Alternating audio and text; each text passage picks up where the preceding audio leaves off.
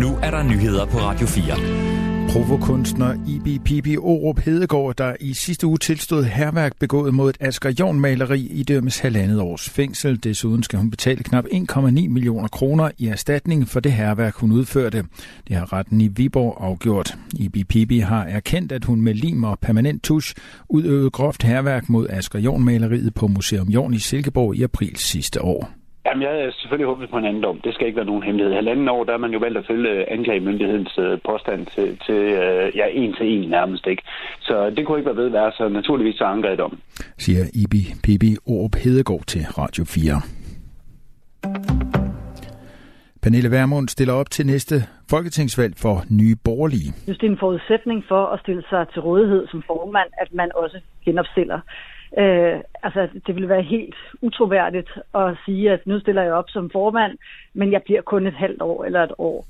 Værmund meddelte i januar i år, at hun ville stoppe som formand for Nye Borgerlige så hurtigt som muligt og træde ud af Folketinget efter næste folketingsvalg. Men efter at Nye Borgerliges hovedbestyrelse torsdag i sidste uge ekskluderede den nyvalgte formand, Lars Borg Mathisen, meddelte hun, at hun var klar til at tage en tør mere som formand. Jeg havde simpelthen ikke i min vildeste fantasi troet, at, øh, at vi kunne havne i sådan et kaos, som vi er havnet i. Politisk redaktør på Radio 4, Thomas Larsen, siger. Hun ved godt, at det vil virke fuldstændig utroværdigt i vælgernes øjne, hvis hun siger, at hun kun vil være formand i ganske kort tid, og hun så i øvrigt har tænkt sig at forlade Folketinget ved næste valg.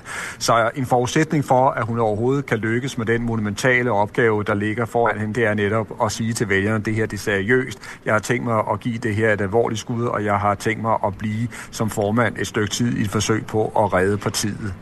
Når det så er sagt, så er der ingen tvivl om, at det netop bliver ekstremt svært at få genrejst nye borgerlige, fordi Pernille Vermund, hun har jo allerede givet udtryk for, at hun egentlig helst ønskede at forlade politik og også komme væk fra Christiansborg, og derfor så er der altså et mellemværende i forhold til mange vælgere øh, på den konto. Og derudover er det klart, at det kaos, der har præget partiet i den seneste tid, virkelig også har slået store skov af partiet.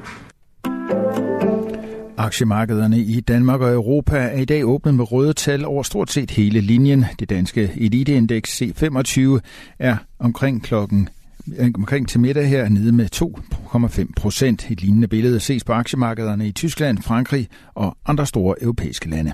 De europæiske aktier og de danske aktier bliver ramt af Silicon Valley Bank-effekten. Øh, effekten af den her bank, som i løbet af få dage faktisk må overtages af myndighederne i USA øh, fordi man har øh, været, været for dårlig i sin risikostyring, og så har man været alt for risikovillig øh, i forretningen siger Jakob Pedersen, der er aktieanalysechef hos Sydbank. I weekenden måtte de amerikanske myndigheder træde til og overtage banken Silicon Valley Bank, der var kommet under pres fra sine kunder i techbranchen i USA. De vil have deres penge udbetalt. Ifølge Jakob Pedersen har nyheden ødelagt den ellers optimistiske stemning, der har været på aktiemarkederne i flere måneder.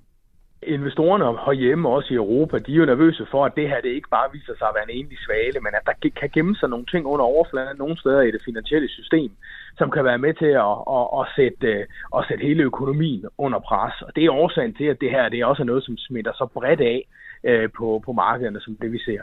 De aktier, der klarer sig værst, er dog særligt bankerne. I Danmark står både Danske Bank og Jyske Bank til fald på omkring 6 procent.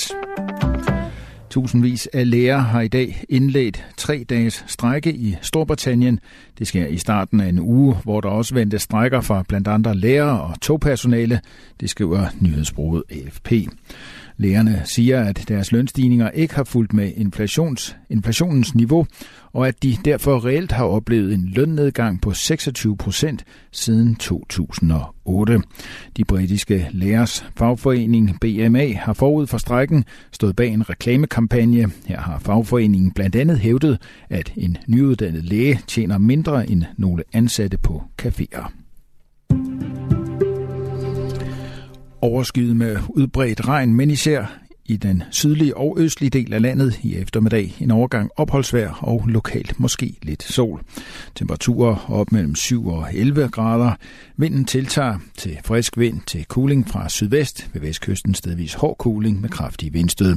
I aften og i nat mest skydevejr med regn mange steder og nattetemperaturer ned mellem 5 og 8 grader. Det var nyhederne på Radio 4. De blev læst og redigeret af Thomas Sand.